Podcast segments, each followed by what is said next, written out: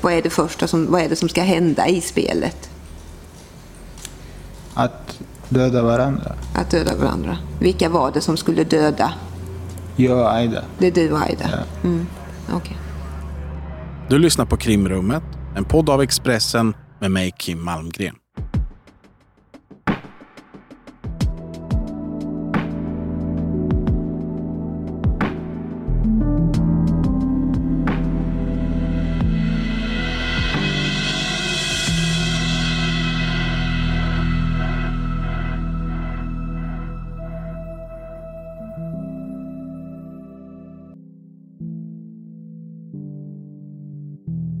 Klockan närmar sig sex på morgonen den 9 december 2022. Utanför polishuset i Kristianstad stegar en man fram ur skuggorna.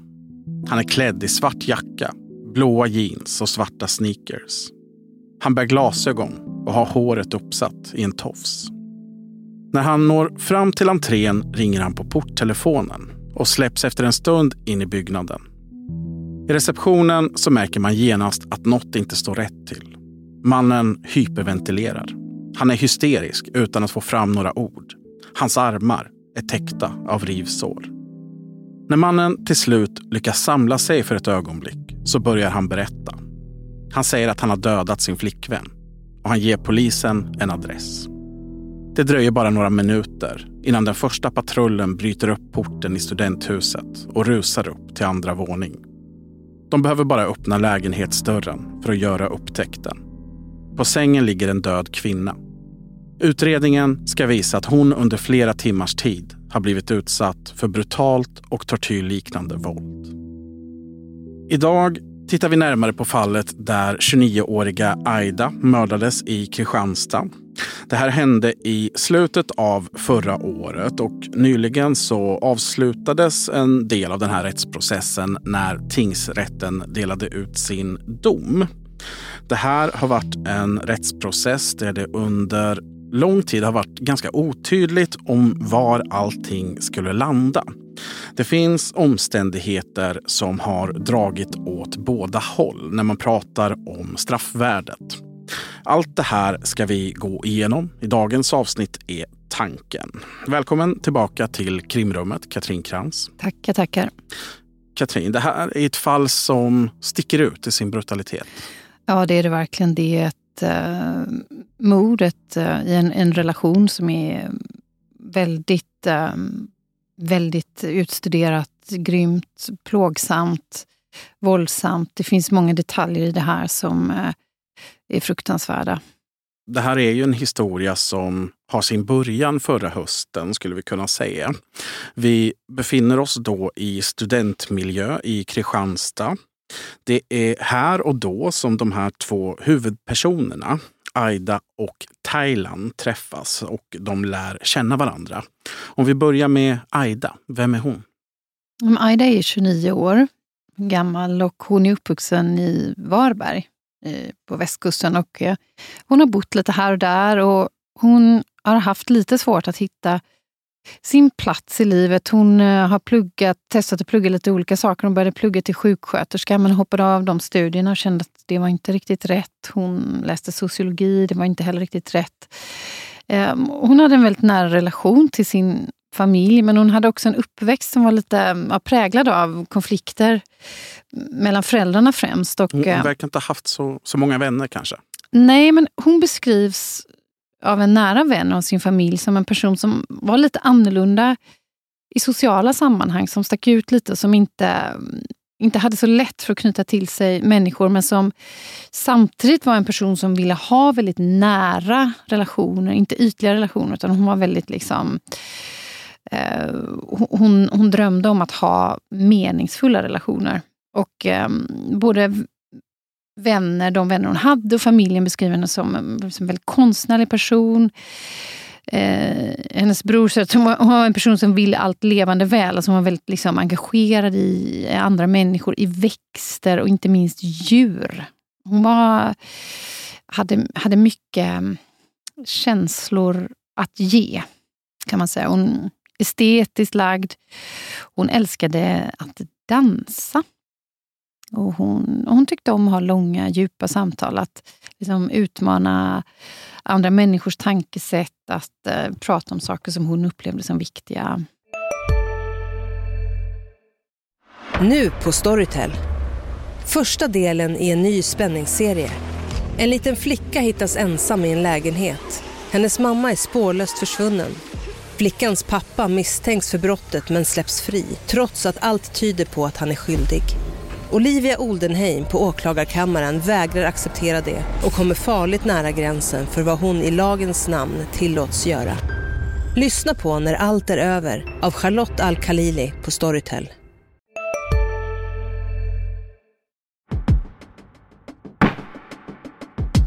Som vi har sett i många andra av de fallen som vi har tagit upp som kanske rör destruktiva relationer så har det också här funnits en, en längtan efter kärlek. Ja, men så är det. Och det, det har vi väl i och för sig alla, höll på att säga. Men, men det var väldigt tydligt liksom att Aida letade efter någon form av själsfrände. Någon som hon kunde ha en nära relation med, som hon kunde ha djupa diskussioner med. Samtidigt då som gjorde att det snubblade lite för henne, eller vad man ska säga, att, att hon hade inte den bästa självkänslan och hennes bror har berättat att hon hade mm, en självbild som kanske inte riktigt var så stark och så bra alla gånger. Um, så är det. Så det, det la lite hinder i vägen för henne. Den här. Här, här sensommaren, tidig höst 2022, så har hon anlänt till Kristianstad. Då. Mm, ja, men till slut så mm, efter lite diskussioner med familj och så, där, så bestämde hon sig för att plugga programmering. Och eh, Tanken var att gjorde hon det så skulle hon kunna jobba lite, lite var som helst. Hon skulle kunna jobba till exempel med någon organisation eh, som bidrog till en bättre värld på något sätt. Hon var inte, skulle inte vara så bunden till att jobba på något speciellt ställe. Eller ja, kunna resa och göra lite olika saker i livet. Mm. Och den andra huvudpersonen i den här historien det är Thailand Ceylan. Han är 35 år gammal. Han kommer ursprungligen från Turkiet. Har inga kopplingar till Sverige egentligen utan 2011 så jobbar han som receptionist på ett hotell i Alanya när han kommer i kontakt med en kvinna från Sverige som är där på semester. Efter hon har åkt hem så fortsätter de hålla i kontakten. De chattar mycket med varandra och blir så småningom förälskade. Och året därefter så går flyttlasset för honom till Sverige. De två gifter sig och det här är ett lyckligt äktenskap från början men efter något år så börjar det krackelera och de skiljer sig redan 2014. Men då blir han kvar i landet. Då befinner han sig nere i Malmö där han bor några år och sen så börjar han plugga datavetenskap i Kristianstad. Och det är därför han så småningom flyttar dit.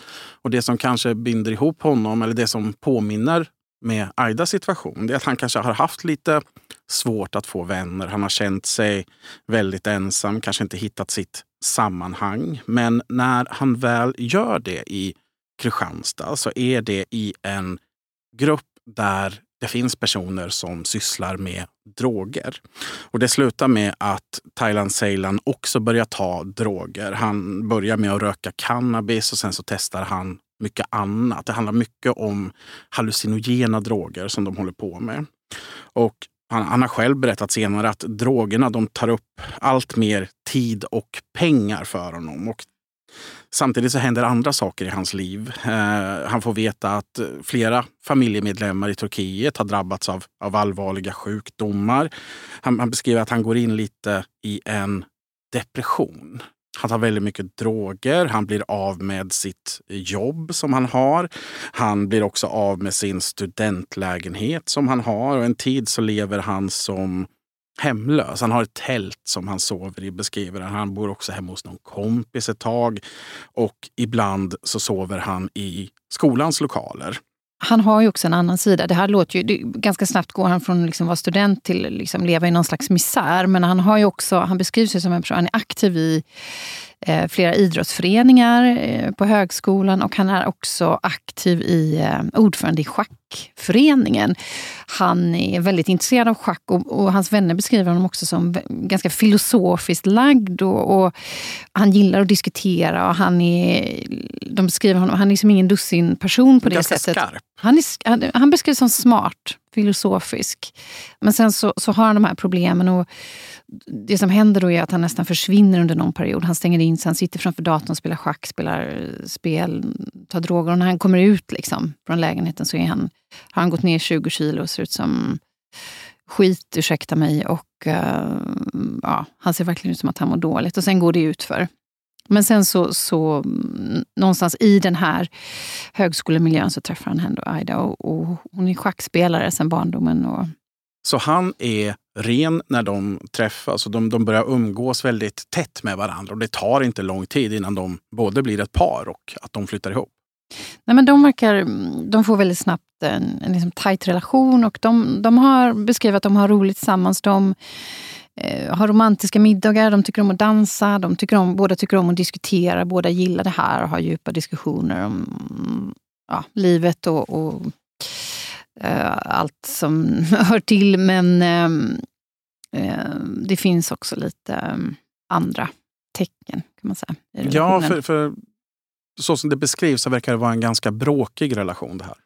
Ja, men det, det är lite tjafs. Som sagt, de har de här gemensamma sakerna. De gillar att spela schack, de gillar att diskutera. Men, men det är också lite konflikter. Någon gång beskriver, beskrivs hur han liksom springer därifrån och ska ta med sig sina grejer. Och liksom, lite, nästan lite omoget. Sådär. Nu bryter jag. Liksom. Det är, är bara några få månader som den här relationen varar och under den tiden hinner de göra slut tre gånger tror jag han flyttar ut. Ja, precis. Och det är någonting som hon också diskuterar med familjerna. Och hon berättar om de här sakerna och de tycker liksom att det här verkar inte så moget beteende. Men samtidigt så resonerar de lite fram och tillbaka. Och det är klart att i början av en relation så kan, kan det ju...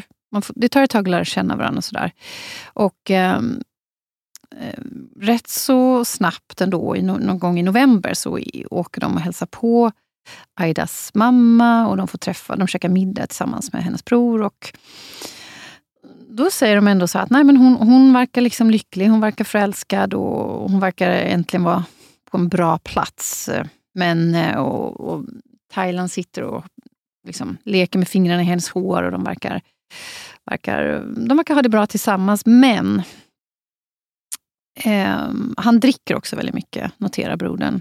Han, han blir ganska högljudd och medan de andra sitter och liksom, ja, sippar lite på något glas vin så har han ett annat, eh, ett annat beteende kring alkoholen också. Nå någonting som sitter kvar hos familjen efter det där mötet också, det är att Thailand säger till Aidas mamma att hon stör henne när hon ringer henne. Aida måste fokusera på sina studier. Så om du vill prata med Aida så är det bättre att du ringer till mig istället för att ringa till, till hennes dotter. Då. Ja, men det finns något lite kontrollerande drag. Och det här kan man också se när man eh, ser vad andra både, vänner både till, till Aida och till Thailand berättar att ja, men han kan ibland vara lite nedlåtande, lite kontrollerande. Han, han tycker till exempel det är självklart att han har koden till hennes telefon. Hon har i och för sig till hans också, men, men eh, och, och någon väninna berättar hur han liksom klappar Aida på huvudet vid några tillfällen. Han kan vara lite, lite nedlåtande och um, kontrollerande. Det, det är en beskrivning som återkommer när folk... Samtidigt som de också beskriver att de, de verkar glada och förälskade också.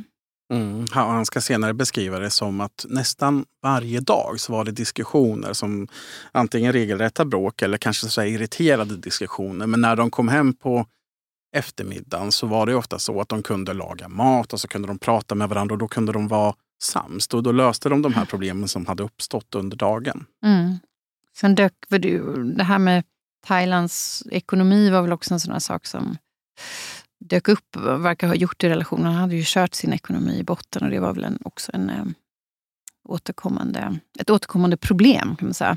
Han har ju väldigt dålig ekonomi. De pratar också om att han ska gå till socialen och kanske få lite pengar på det sättet. Men det har inte riktigt blivit av. Nej. Så småningom i den här relationen så börjar han röka hasch igen. Och i utredningen ska man se hur han smsar sin langare och säger att det var, det var länge sedan senast men han vill köpa lite röka. Och det är i takt med att han börjar röka cannabis igen som den här situationen går utför. Han säger själv att han lider av en depression på grund av alla de, de motgångar som han har varit med om. Den har han också sökt hjälp för hos vården. Men vad han däremot har hållit för sig själv i allt detta, det är att han också lider av en tilltagande paranoia. Mm. Han eh, tror att det är någon som är ute efter honom. Det finns någon slags hemlig elit som, som styr allting. Och eh, han beskriver själv hur han tror att han befinner sig i något slags spel. Något, sen ska han beskriva det som ett Hunger Games-liknande spel som han har liksom svårt att, att navigera. Men han ser en massa tecken överallt i vardagen som bekräftar det här för honom, den här tanken som han har. När de har varit ihop i några månader så är vi framme vid morgonen den 6 december. Både Aida och pojkvännen vaknar då på morgonen av att det rinner vatten ner från taket i lägenheten. Det är en omfattande vattenläcka som kommer från våningen över som gör att de måste flytta in i en ersättningslägenhet i närheten. Där hinner de bara bo några dagar. Ja, men det, det, det, är liksom, det är bökigt för dem att det här händer. Det är väldigt stökigt i den här lägenheten som de flyttar in i. Ehm, de egentligen beskrivs som ganska ordningsamma och sköter sitt hem väldigt eh, noggrant. Sådär. Men ehm, nej, de, den här kvällen så, så får de städa och de tvättar kläder och de håller på att fixa med flytten fram och tillbaka. Och sen eh, på kvällen så, så är de trötta båda två. De eh, bestämmer sig för att eh, de ska titta på en film och de lägger sig framför tvn. Mm, den här filmen som de tittar på den heter Death Note, det är från början en japansk anime-serie, men det som de tittar på den här kvällen det är den amerikanska versionen. Och kort förklarat så är handlingen i den här historien att det finns en bok och om man skriver någons namn i den här boken så dör personen. Eh, den här filmen, den här kvällen, det är någonting som påverkar Taylan Saylan väldigt mycket. Den blir ännu ett tecken bland alla andra tecken som han har sett den senaste tiden. Och vad som händer i lägenheten den här kvällen och natten, det har vi egentligen bara Taylans version av. Det kan vara bra att känna till att hans historia har vuxit fram stegvis under utredningens gång. Men det är också av värde att det som han har sagt det stämmer väl överens med den tekniska undersökningen. Det framstår inte heller som att han ska man säga, skönmålar sin egen insats här. Det är snarare så att han i förhör beskriver väldigt utförligt om hur han gör sig skyldig till ett fruktansvärt brott. Mm, ja, men så är det. När han ser den här filmen då, den här kvällen så tolkar han det som att det här spelet som han har fått för sig att han är delaktig i. Nu måste det börja. Senare så ska han beskriva en, en lång rad olika tecken som han har sett den, de, de senaste veckorna. Ja, ja nej, men han, det är ju en kavalkad av olika tecken här. Han, när han berättar på den här middagen hemma, hemma hos eh, Aidas familj att han har rest till Japan, då är det någon som säger att han har åkte du med SAS eller du åkte med SAS och hur, hur visste de det? Och, alltså, då, då tror han att han, det ser han som ett tecken på att han är övervakad. De eh, köper en säng på Blocket. Då visar det sig att den är av samma märke som en som en granne har. Jag menar, då måste den här grannen han måste ingå i den här styrande eliten. Eh. Och vattenläckan, ja vattenläckan, den är ju också ett tecken. Varför är det som är just i hans lägenhet? Den är ju också ett tecken på att liksom nu, nu, ehm, nu börjar liksom, vad ska man säga, nätet dras åt på något sätt. Och sen så är det då den här filmen. Och, då... och det, det, det som är viktigt i den här filmen, eller som är viktigt för honom i den här stunden, det är att i slutscenen så dör flickvännen. Så, så som han själv berättar i alla fall. Jag har inte sett filmen. För alla de här tecknen, för en frisk människa så det är lätt att avfärda sådana här så kallade tecken som nonsens. Men han intalar sig själv att allt det här är på riktigt och att han måste agera. Samtidigt så vacklar han fram och tillbaka om huruvida det här spelet verkligen är på riktigt. Jag tänker vi kan höra lite hur Taylan Seylan själv berättar om eh, det här resonemanget senare i rättegången. Jag har alltid i eh, frågan om spelet, liksom, att, att bekräfta hela tiden. Så jag gick igenom de tankarna igen. Och sen jag kom fram att ja, det stämmer, jag är i ett spel och ja, jag måste göra det filmen, filmen säger till mig. Mm. Det är dags, det, det, det måste hända nu. Spelet måste börja nu. Och vad var det som skulle börja då? Spelet skulle börja, men vad skulle spelet börja med? Vad är det första som, vad är det som ska hända i spelet? Precis samma som filmen. Mm. Och för att förtydliga bara så att vi vet. Att döda varandra. Att döda varandra. Mm. Ja. Okay. Och vilka var det som då var, skulle döda varandra, som du tänker dig då? Vad sa du? Vilka var det som skulle döda? Jag och Aida. Det är du och Aida? Ja. Mm. Okay. Hej, Ulf Kristersson här.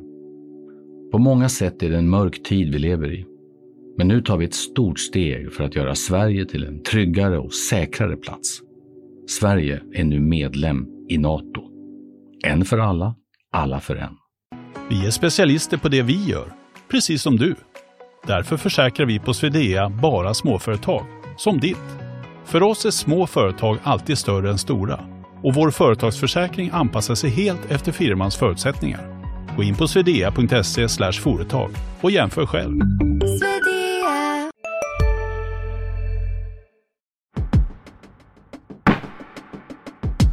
Det är i detta skede som Taylan Seylan skrider till verket. Han går ut i köket och hittar en gurka ur kylen som han börjar tugga på. Samtidigt så greppar han tag i en kniv och återvänder till Aida som sitter i sängen. Hon måste ha väldigt svårt att navigera vad det är som sker i den här situationen. Nej, innan dess, jag satte mig på stolen och jag sa henne att, och började berätta. Berätta om eh, spelet.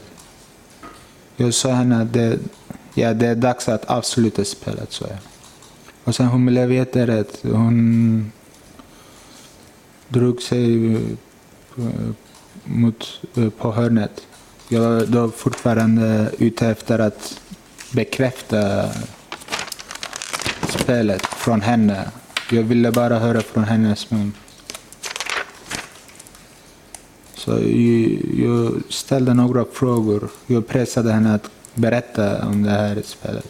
Det, det. Hon förstod ingenting. Hon liksom, vad är det för spel? Vad snackar ni om? Men i mina tankar, jag tänkte att hon, hon bara för, försöker undvika det hela. Tänkte jag. Hon ljuger. Det är nu som Taylan Seylan går till attack mot Aida. I rättegången så beskriver han det här långa och utdragna våldet väldigt ingående. Katrin, vad, vad är det som händer i lägenheten? Ja, det är som du säger, det, det som händer är fruktansvärt. Det pågår under lång tid. Bara när han beskriver det här under rättegången så är det över, över två timmars långt förhör med honom. Och vad man kan se utifrån de bedömningar man gör av liksom hur länge det här har pågått så rör det sig om kanske fyra timmar. Det är alltså en fyra timmar lång, plågsam, fram och tillbaka eh, vålds... Eh, vad ska man säga?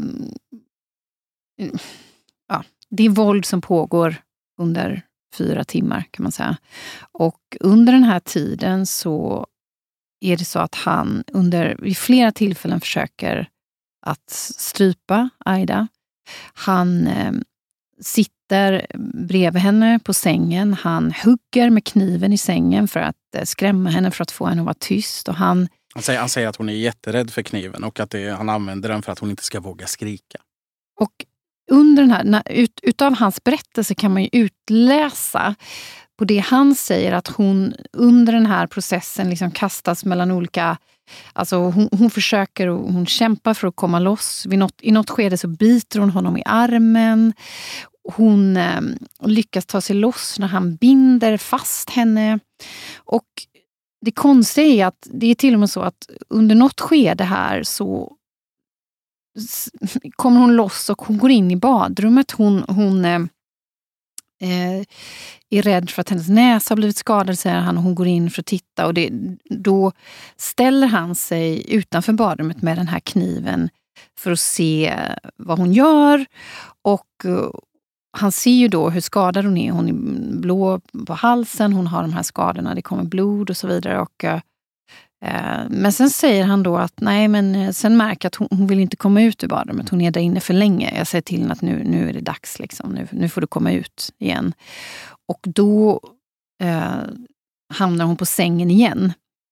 Så att han står liksom till och med och, och väntar på henne där och, och, och sätter igång igen. Och då säger han också att ja, men jag mm, ångrar mig nästan. Alltså han, han ber om ursäkt, berättar han. Alltså att han eh, funderar på, ska jag verkligen fortsätta med detta? Ska jag verkligen... Uh, och sen han säger att han, han avbryter och att han kommer fram till att det här spelet kanske inte är på riktigt. Han kanske Nej. är ute och seglar här. Men sen går det en liten stund och så kommer de här tankarna tillbaka. Och då så, så fortsätter han. Och det han gör är ju då att han, han binder fast henne till exempel. Till, till början så försöker han ta ett par långkalsonger och binda fast hennes armar. Men då märker han att det funkar inte tillräckligt bra så att han tar istället några kablar som han hittar.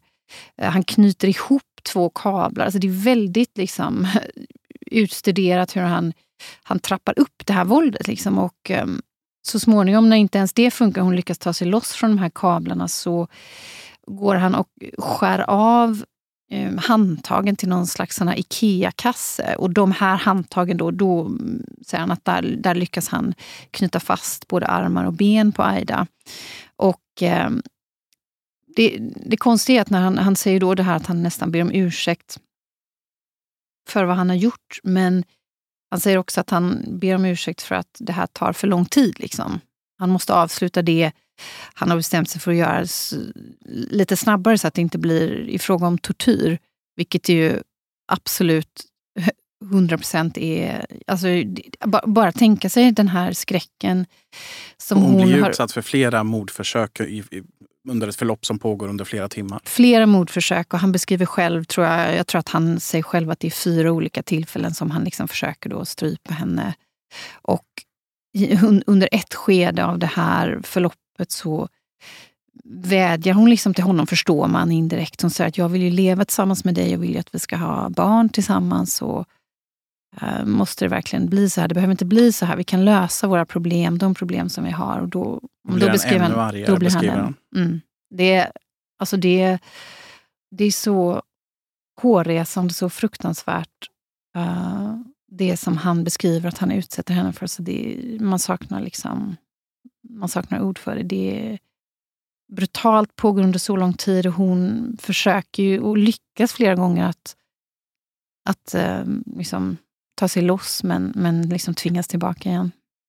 Och efter flera timmar av det här så är Aida inte längre i livet. Nej, till slut så, så slutar hon andas. Och då har han också stoppat en strumpa i halsen på henne, i munnen, och försökt få henne att kväva henne på det sättet. Men den, den tar han ut och så till slut så stryper han henne med händerna. Och när Aida ligger där mördad så slår Ceylan Taylor en signal. Han ringer till en städfirma mitt i natten. Och den som tar emot det här samtalet förstår inte riktigt vad det är som personen på andra sidan försöker säga. Det är, han blandar olika språk och får inte riktigt fram något budskap. Och plötsligt så bryts det här samtalet. Men det som Taylor Salen har sagt då i efterhand, det är att han, han återknyter till det här den här Hunger Games-teorin som han har haft. Där han vet att när någon dör i Hunger Games så kommer det en städfirma. Eller det kommer ett uh, rymdskepp som, mm. som plockar upp kropparna och gör, gör mm. rent. Uh, och, Och han menar att han är i tron att samma sak ska ske här. Och när, när den här städfirman inte svarar på det sättet som han har tänkt, då, då får han återigen tvivel. Är det här verkligen ett spel?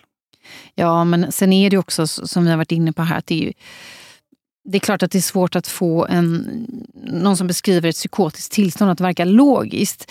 Men samtidigt är det så här att det är lite oklart om han menar att han tror att liksom hennes kropp ska försvinna eller om att eh, den här städ...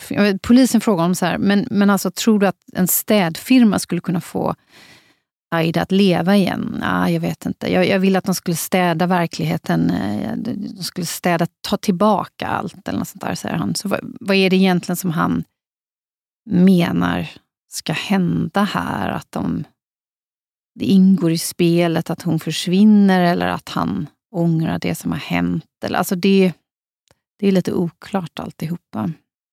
Efter det här mordet så beger sig Taylan Seylan ut från lägenheten.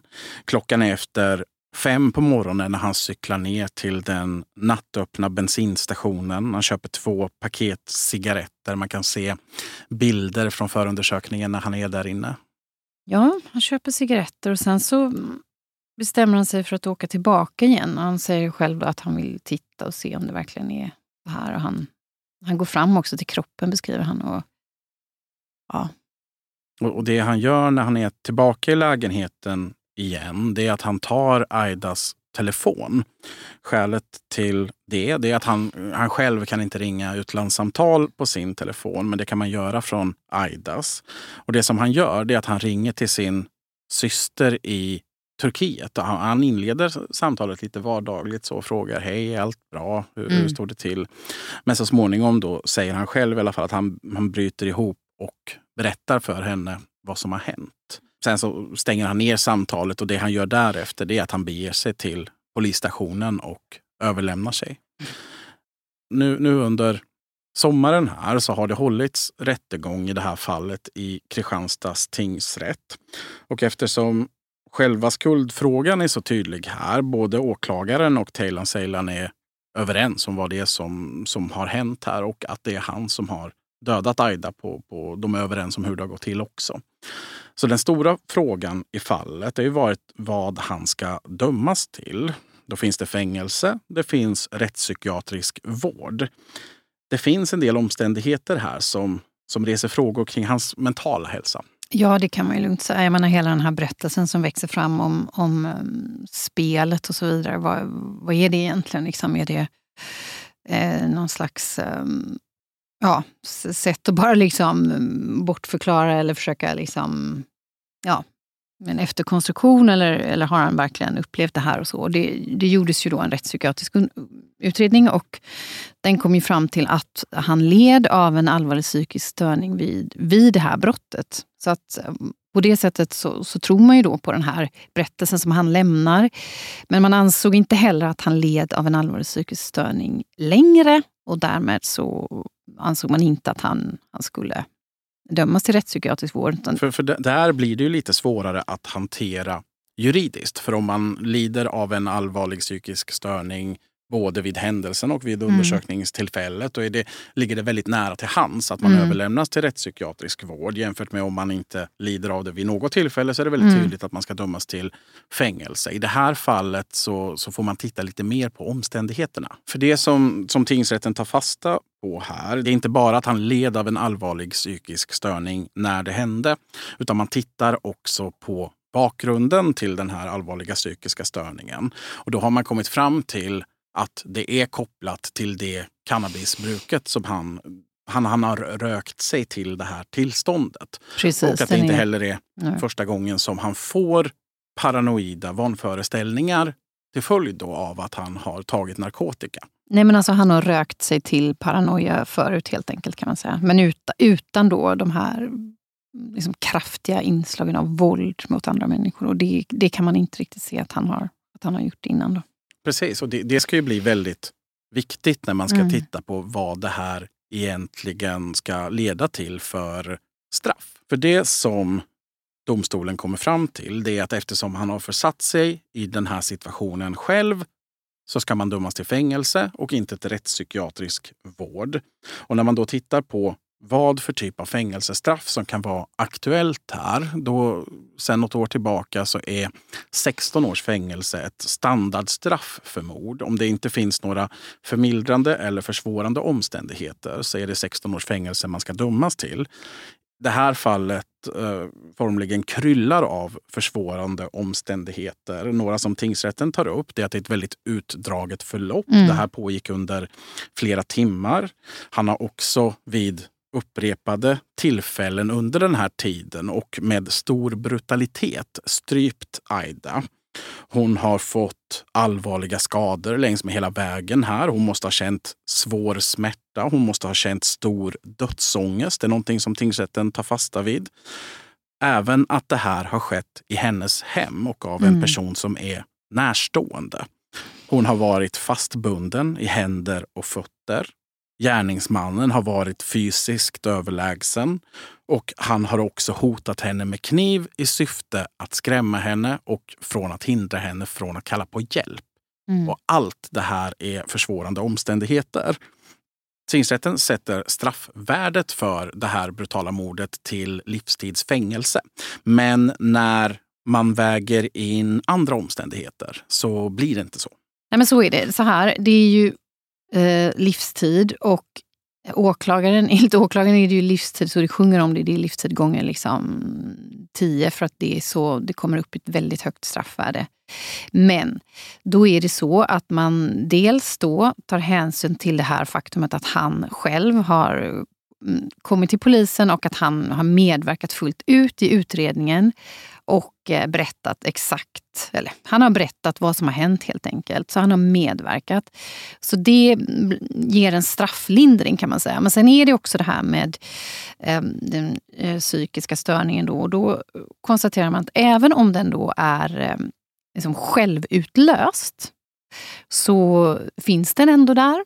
Och eh, den gör det här psykiska måendet, psykiska liksom, tillståndet, ger ändå en, en... Det verkar också strafflindrande som heter att det ger liksom ett eh, lägre straff. Så att då landar man helt enkelt på 17 års eh, fängelse då med de här förmildrande omständigheterna som man kan kalla det. Då.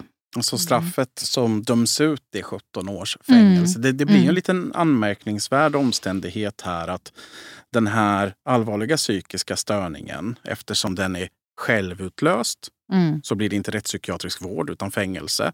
Men att den finns innebär att det inte blir livstidsfängelse utan istället då tidsbestämt. Hej, Synoptik här. Hos oss får du hjälp med att ta hand om din ögonhälsa. Med vår synundersökning kan vi upptäcka både synförändringar och tecken på vanliga ögonsjukdomar. Boka tid på synoptik.se. Kurrar det i magen och du behöver få i dig något snabbt? Då har vi en Donken deal för dig. En chicken burger med McFeast-sås och krispig sallad för bara 15 spänn. Varmt välkommen till McDonalds.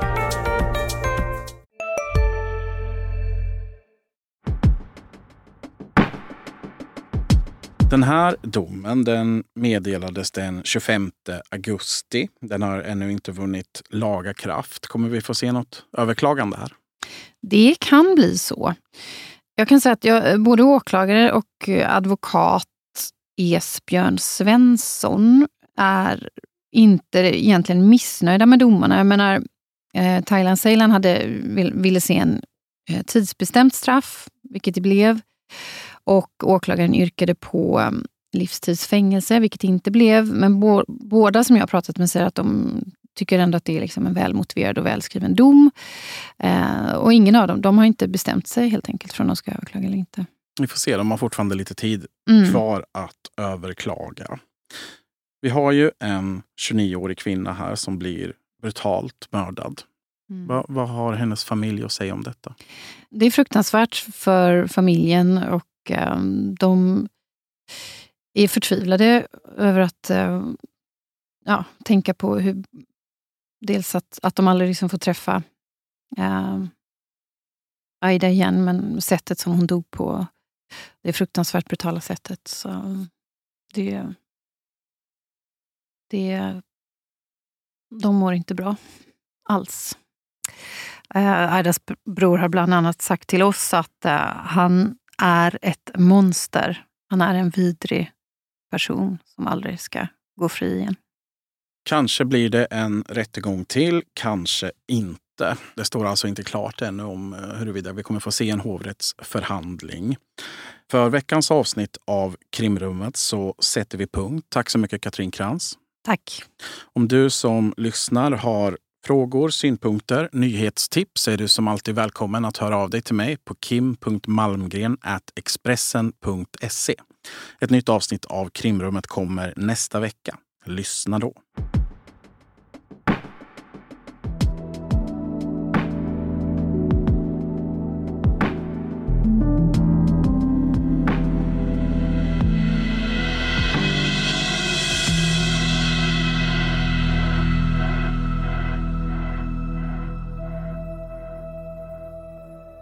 Du har lyssnat på en podcast från Expressen. Ansvarig utgivare Klas Granström